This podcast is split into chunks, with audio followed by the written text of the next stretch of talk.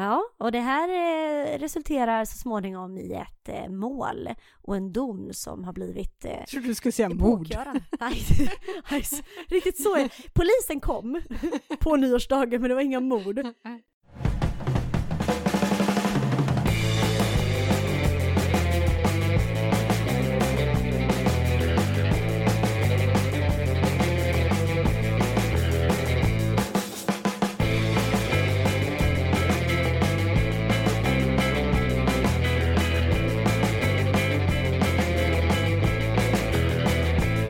Hej och välkomna till Euforipodden och det trettonde avsnittet. Jag sitter här med Caroline och Helena. Hej! Hej. Hej Marco! Och vi har med oss Björn också. Välkommen tillbaka! Ja, tack. Nu är ryggen bättre. Skönt. Alltid bättre när vi är fulltaliga. Och det är också du som ska ha det första ämnet. Ja, precis. Jag tänkte det. Kan jag köra nu eller? vill Ja, du... visst. Sätt igång. Prata avgift. Ja, jag tänkte snacka om vad, vad får man för pengarna egentligen? Och vi har ju varit inne på det här tidigare med EUs budget och så vidare i avsnitt tre. Så där kan ni gärna gå tillbaka och lyssna lite mer om ni vill ha mera bakgrund där. Men Helena mycket pedagogiskt förklarade rabatter och annat. Precis, för det är ganska invecklat det här som vi ska komma till. Men jag tänkte lite grann prata om det här med vad får Sverige tillbaka från EU då? Så jag tänkte börja med att prata lite grann hur mycket vi betalar in till EU. Det blir lite repetition här. Kommer ni ihåg från avsnitt tre hur mycket det är? I svenska kronor. Runda slängar. Var det de där 40 000 miljarderna svenska kronor eller? Ja, Det nämndes ju, men det var fel. Ja. Vad var det då? Marco, kommer du ihåg? T- 30... 35 miljarder, eller hur Björn? 35 000 miljoner kronor kan man också säga. Ja, det är det. Så det, det har vi betalat i snitt nu de senaste åren och det baserar sig på hur stor BNI vi har, hur mycket pengar vi har i Sverige egentligen, hur mycket bruttonationalinkomsten är. Vi betalar också en del av tullavgifterna som vi tar in från yttre gräns naturligtvis, eftersom den är gemensam för hela EU så är det klart att Sverige inte bara får behålla de pengarna. Lite grann av momsen och sen så betalar vi lite då för den här brittiska rabatten som vi inte ska gå in på nu. Det är så att vi, ja 35 miljarder varje år och det funkar faktiskt så att, eh, det ska vara lite roligt att första bankdagen varje månad så betalar Kammarkollegiet och Skatteverket in en månadsavgift till EU. Har de den på autogiro eller är det check? Det är säkert en liten ceremoni där med en beredning för någon chef först. Och på- Varje månad? Ja, så blir det så här, åh nej, jag glömde betala. Påminnelseavgift. Mm. Så det gör man då så, men då så är frågan då vad då vi får tillbaka. Och då tänker jag på den här faktiskt, när jag researchade det här på den här sketchen med Monty Python där med, jag vet inte om ni har sett den filmen, eh, Terrans liv eller Life of Brian, där de ska prata om, de är förtryckta av romarna och då ska de ägga folk till att göra upprop. Det är upp- i Life of Brian. Ja, Ja. precis. Jaha. Va? He- Ett- Heter den Ett herrans liv på svenska? Ja. Oh, mindblow. Och du har försökt se båda filmerna, eller. Jag känner igen det här. Men det är en rolig scen där då där John Cleese säger så här, vad har vi någonsin fått av romarna? Och så är det någon som säger, eh, akvedukter. Ja, ja, akvedukter. Men förutom det har vi någonsin fått någonting så håller det på sådär. Så till slut så skulle man kunna säga samma sak om EU då. Vad har vi någonsin fått av EU? Förutom frihandel, bättre miljö, fred, fri rörlighet. Men förutom det, har vi fått någonting annat? Men det finns ju faktiskt ett roligt klipp på det. Det kan vi väl spela? Tänker du på det här brittiska klippet? Ja. Mm. Som har en liten, an- det handlar om, om mänskliga Convention of Human rättigheter. Rights. Ja. Mm. Precis. Så att det, är en så klassisk sketch så det blir nya sketcher på den. Ja, vad får vi egentligen för det här? Då är det faktiskt så att det är tre är EU-kommissionen, Bertelsmannsinstitutet och något som heter IFO i Tyskland har fått i uppdrag att kolla på det här. Och kommissionen kom fram till att för de här 35 miljarderna som Sverige betalar in så får vi tillbaka 45 ungefär. I, just det här med handeln och allt som vi tjänar på det här. Medan de andra instituten hamnade på 17 och 25 miljarder. Så det är ganska stor skillnad. Man kan tänka sig att kommissionen är lite eh, bias, eller vad heter partisk där. Men vi får tillbaka det folk är överens om är i, rena pengar så är det 11 miljarder kronor. Varje svensk betalar in ungefär 350 euro per år och får tillbaka 168, men inte personligen, men Sverige får tillbaka det. Och det är alltså pengar som syns i budgeten, så det är därför alla är överens om det? Eller? Ja, och det är nu det blir lite komplicerat med allt det här. För det är ju så att pengarna kommer inte in till svenska statskassan bara som en klumpsumma eller någonting från EU, Bryssel. Utan det finns en massa fonder som ska användas i det här. Det finns en regional utjämningsfond, det finns en social fond, det finns en fond för inre säkerhet och så vidare. Och där lägger man pengar, nu får ni rätta mig om jag har fel här, där lägger man pengar som medlemsstaterna eller organisationer och myndigheter rättare sagt i medlemsstaterna kan söka om att använda. Och då finns det regler för vad man får använda de här pengarna till. Det går ju väldigt ofta ut på att man ska bli bättre på de saker som EU vill att man ska vara bra på. Det ska vara sysselsättning och handel, migration och så vidare. De här pengarna läggs då i en fond som man sen har myndigheter i Sverige. Olika myndigheter har delar av sin myndighet kan man säga som tittar på det här. Så får man söka pengarna där och se om man får några pengar. Kan vi ta något praktiskt exempel på det här? Ja, jag kan ju ta ett exempel eller några exempel från min bakgrund i migration. Det finns en fond som heter AMIF eller som är till för asyl, migration och integration. Där är det så att Migrationsverket till exempel bedriver olika projekt där man söker pengar från de här fonderna och eh, då får man dem. Men det innehåller också enormt mycket administration naturligtvis. Regelverken är väldigt omfattande. Det är en lång process för att söka de här pengarna, fylla i alla papper och berätta vad man ska göra med pengarna och så vidare. och så vidare. Sen under den här tiden man driver ett projekt, då är det också en väldigt krävande redovisning. Så man får oftast anställa ett par stycken administratörer och ekonomer bara för att hålla reda på allt det här. Plus att sen när projektet är slut ska det naturligtvis slutrapporteras och sen efter några år då kommer det någon från Bryssel och eh, gör en revision på det här. Då ska man ta fram varenda papper och varenda boarding card och kvitto och sådär och visa på att man verkligen har gjort det här. Men även om det är administrativt tungt, är det inte bra att man följer upp på det sättet? Det är ganska strikta krav på hur EUs pengar används. Ja, jo, det är klart det är det. Men det har vi ju pratat om tidigare att det faktiskt pågår ganska mycket fusk med EU-medel och att man ska skapa en särskild åklagarmyndighet bara för att hantera det här. Så att det verkar ju som att det kanske ändå finns ett problem trots alla de här hårda kraven. Ja. Nej, men naturligtvis är det så att det är därför det har kommit till och det är väldigt invecklat regelverk för det ska passa, funka alla medlemsstater och man ska se till att, man, att det inte rinner ut pengar någonstans. Men det blir också ganska fyrkantigt ibland när man ska bedriva projekt i verkligheten och se hur ska vi genomföra det här nu då?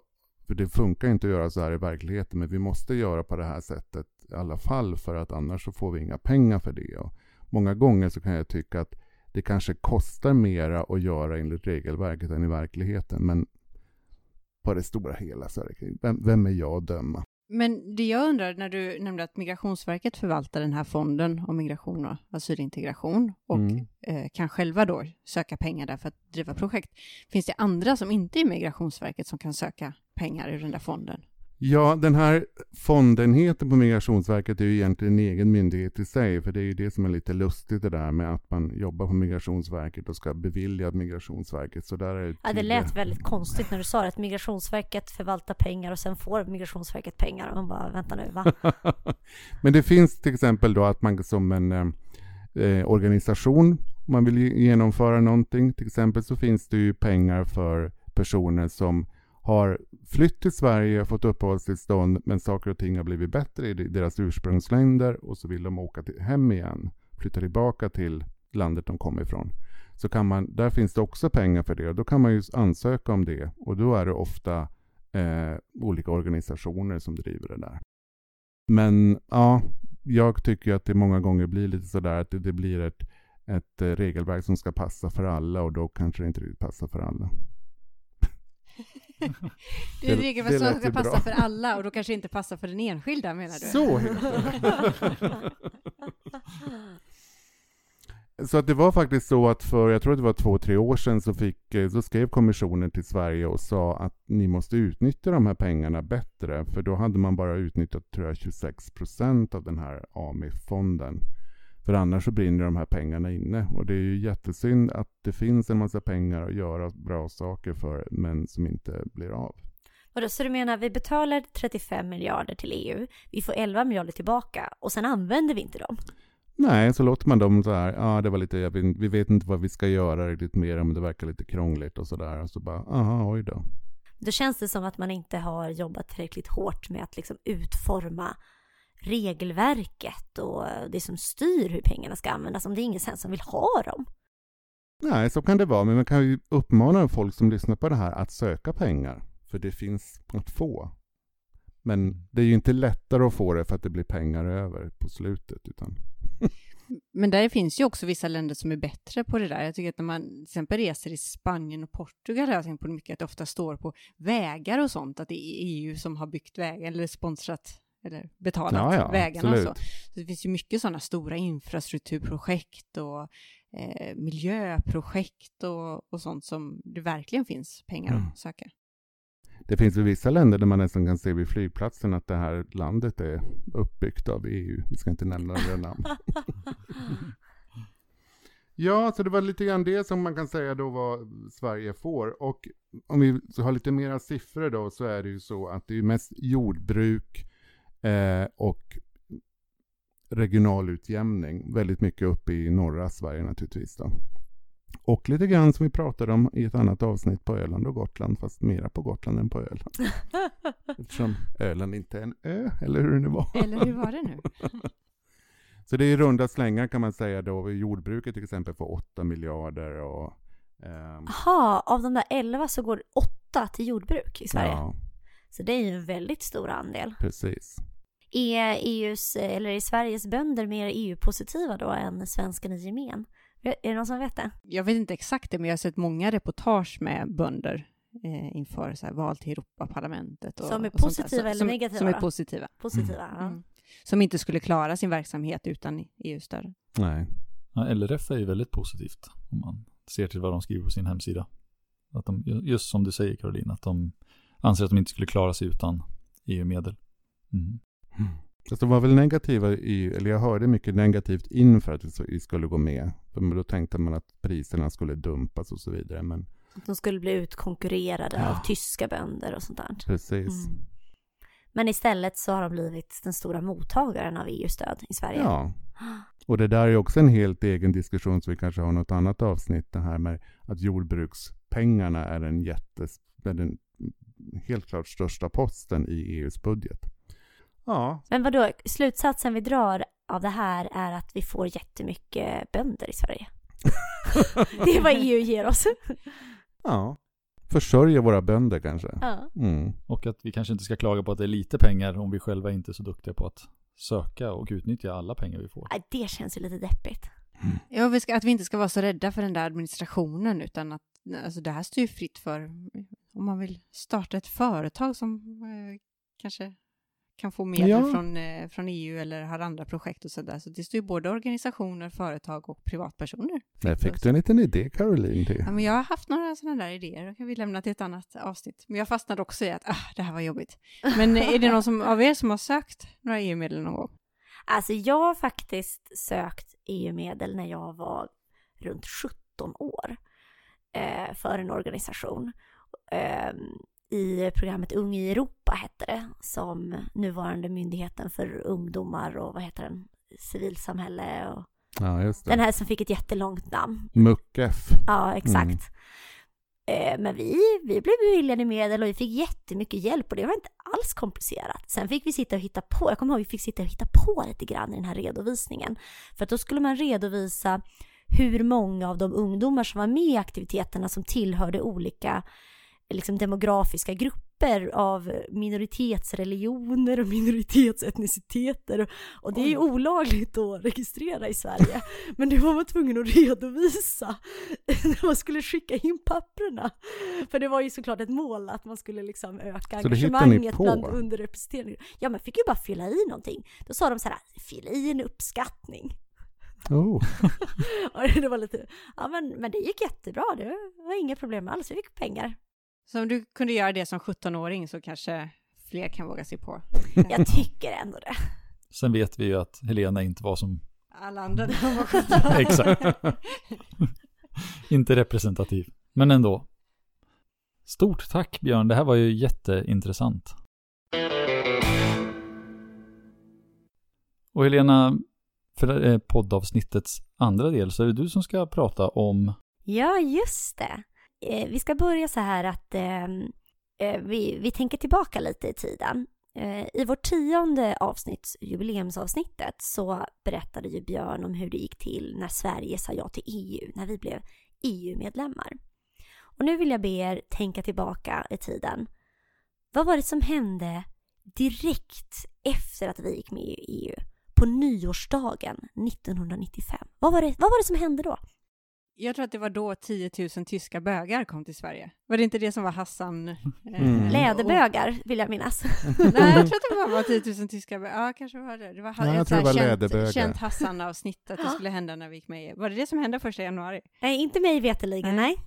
Ja, man sålde en massa pizza, antar jag också. Ja, det är ju rimligt att anta, även om jag inte har någon statistik just för 1995. Ja, men det som framförallt hände var att eh, lokalpolitiken Harry Fransén i Svalöv började sälja vin i sin livsmedelsaffär. Du, du, du, du. vad kontinentalt. Ja, för han hävdade att Systembolagets monopol inte var förenligt med EG-rätten. Så han tog saken i egna händer och utmanade eh, Sveriges regering på det här sättet. Det är ändå lite kul att någon tar sig an det och får testa vad det Ja. egentligen är som gäller. Ja, och det här eh, resulterar så småningom i ett eh, mål och en dom som har blivit eh, Jag trodde du skulle säga mord. riktigt så. är- Polisen kom på nyårsdagen men det var inga mord. Utan de beslagtog allt vin han hade i affären. Och så blev han åtalad för brott mot alkohollagen. Eh, och så gick målet då eh, upp i Landskrona tingsrätt. Och då visste de inte riktigt vad de skulle göra. Så de vände sig till EG-domstolen för att be om ett förhandsavgörande om huruvida den svenska alkohollagen var förenlig med EG-rätten. Det handlar ju liksom om icke-diskriminering och den fria marknaden och sådär. Och eh, det intressanta här då när eh, eh, EG-domstolen tog sig an frågan var att generaladvokaten valde att gå på Franzéns linje. Så generaladvokaten föreslog att domstolen skulle förbjuda det svenska detaljhandelsmonopolet på alkohol. Generaladvokaten har liksom en roll att, att förbereda ärendet och gå igenom det och föreslå till domstolen hur man ska ta sig an det. Det är inte som en åklagare men ja, den har en slags eh, förberedande roll. Jag vet inte om det är någon som vill fylla på mer exakt vad den här generaladvokaten sysslar med. Nej, jag ville ställa en annan fråga om ja. eh, Var inte det här, hade man inte förhandlat om det här i, inför liksom det svenska medlemskapet? Ja, det, det kan man ju tänka sig. Vi, vi återkommer till det alldeles strax. Okej, jag håller den tanken. Ja. Hur som helst, den här generaladvokaten den förbereder ju eh, ärendet och tittar på det och lämnar ett förslag till domstolen. Och alltså i 90 procent av fallen så går domstolen på generaladvokatens linje. Det är ju en väldigt erfaren och tung juridisk post. Men i det här fallet så valde domstolen att inte gå på generaladvokatens linje. Utan domstolen godkände Systembolagets monopol på detaljhandel. För domstolen menade att Systembolagets monopolställning kunde motiveras med hänvisning till folkhälsan, som ju Sveriges regering då hävdade. Under förutsättning att det inte skedde någon diskriminering av utländska producenter. Och här kommer vi då tillbaka till frågan var det ingen som hade tänkt på det här innan? Det känns ju ganska, ganska Ja. uppenbart att det här var en fråga man ställde sig. Såklart hade man funderat på frågan innan vi gick med i EU. Och man hade förhandlat från regeringens sida med EU innan inträdet. Och man hade faktiskt gjort också en hel del förändringar för att innan Sverige gick med i EU så hade Systembolaget inte bara det här detaljhandelsmonopolet, alltså att man får sälja direkt till människor. Utan Systembolaget hade också monopol på import, export, tillverkning och försäljning till restauranger. Men alla de andra monopolen avskaffades inför EU-inträdet och Systembolaget hade bara kvar detaljhandelsmonopolet. Så man hade ju liksom förhandlat och gjort stora förändringar i frågan. Men man bedömde då att detaljhandelsmonopolet var den aspekten av Systembolagets roll som var avgörande just för folkhälsan. Just det. Mm-hmm. Låter logiskt. Och eh, för den som är intresserad av hur den här förhandlingen gick till så har Systembolaget lägligt nog lagt upp en liten notis, en liten historia där de beskriver hur det gick till när Sveriges regering fick igenom detaljhandelsmonopolet för Systembolaget. Hur man lyckades övertala kommissionen. Och det kan man läsa på systemets hemsida? Alltså? Ja, ja, de spännande. beskriver det. Det är ju en viktig del av Systembolagets historia naturligtvis. Så här beskriver de det alltså. 1993 bjöd socialminister Bengt Westerberg in kommissionen på ett studiebesök i Sverige för att visa på Systembolagets verksamhet och vilken roll Systembolaget har i det svenska samhället. Det första stoppet är i Systembolagets paradbutik i marmorhallarna på Birger Jarlsgatan. Sen blir det flyg till Östersund med besök på tre ställen.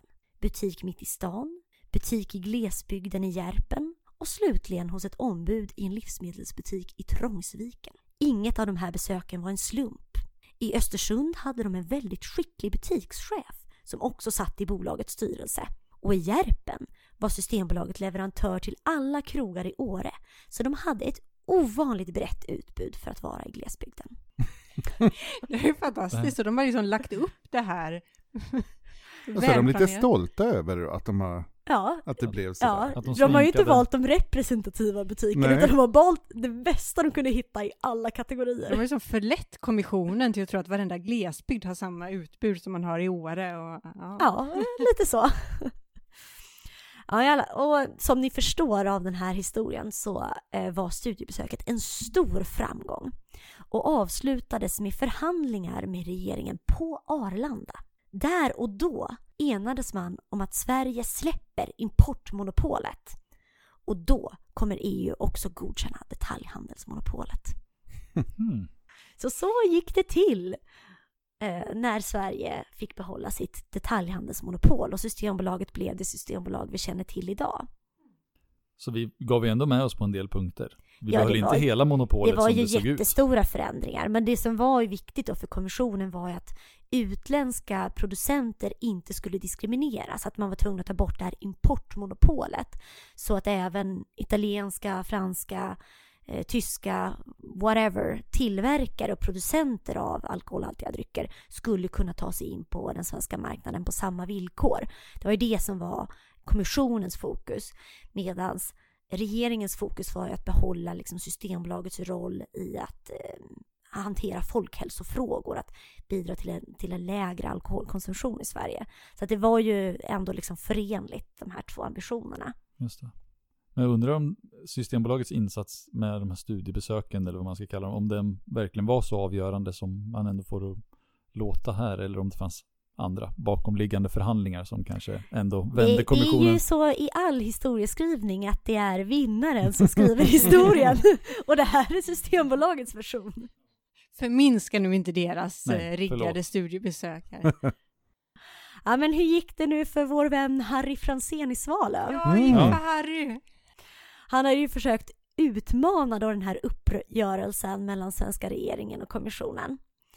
Men han fick då fel i domstol. Den svenska alkohollagen bedömdes vara förenlig med EG-rätten och han dömdes av Landskrona tingsrätt till 60 dagsböter på totalt 1800 kronor.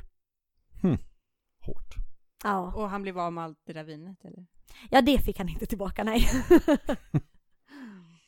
ja, det var ju surt. Men Finland, har inte de någon liknande lösning med systembolag som vi har? Ja, det är bara Sverige och Finland inom EU som har eh, den här typen av detaljhandelsmonopol. Norge har ju också dem, men de eh, påverkas ju inte av EUs regler på samma sätt. Ja, just det. Mm. Ja, systemets eh, framtid är säkrad då på det sättet som det ser ut nu? Som det ser ut i, i, i detaljhandelsmonopolsdelen så förefaller det vara det. Sen finns det en bubblare i frågan om eh, gårdsförsäljning. Eh, men eh, det är en hel, en hel historia för sig själv och hur det kan, möjligen kan påverka Systembolagets eh, monopol. Men det där är ju en fråga som hela tiden diskuteras i riksdagen och inom de politiska partierna, så det är väl en mer en nationell fråga att bedöma, eller? Om man ja, eller då blir ju frågan då om man, om man öppnar upp för gårdsförsäljning hur, och ändå har kvar ett monopol. Alltså hur funkar det? Utan har du då öppnat upp för konkurrens så måste du då öppna upp vidare. Mm. Just det. Men eh, det som är intressant är att det finns ju, vi har ju några andra undantag i Sverige också som vi tänkte återkomma till. Ja, det kan vi göra. Precis. Absolut. Snus är väl en bra sån grej, Björn? Ja. ja. Det är många njutningsmedel som vi har undantag på. ja, man, man önskar att man kunde avrunda med att säga vilken tur att det svenska monopolet är säkrat. Men det är nog inte alla som säger så. Så vi kan väl bara konstatera att för närvarande behåller vi det svenska monopolet. Mm. Tack Helena. Ja, det här var det trettonde avsnittet. Vad säger ni? Ja, det gick ju bra i alla fall. Trots att det kunde ha varit ett otursavsnitt, men vi tog oss igenom det. Eh, ja, än så länge. Och eh, vi fortsätter att eh, be om frågor och eh, synpunkter och tankar och idéer på våra sociala medier. Euforipodden på Instagram och EU-foripodden på Facebook. Just det. Och så har vi mejlen, euforipodden gmail.com. Perfekt. Så det har ju kommit in några tips med ämnen folk vill att vi tar upp, så det får ni gärna fortsätta med. Ja. Då hörs vi igen i nästa avsnitt. Ja. Hej då! Hej så länge!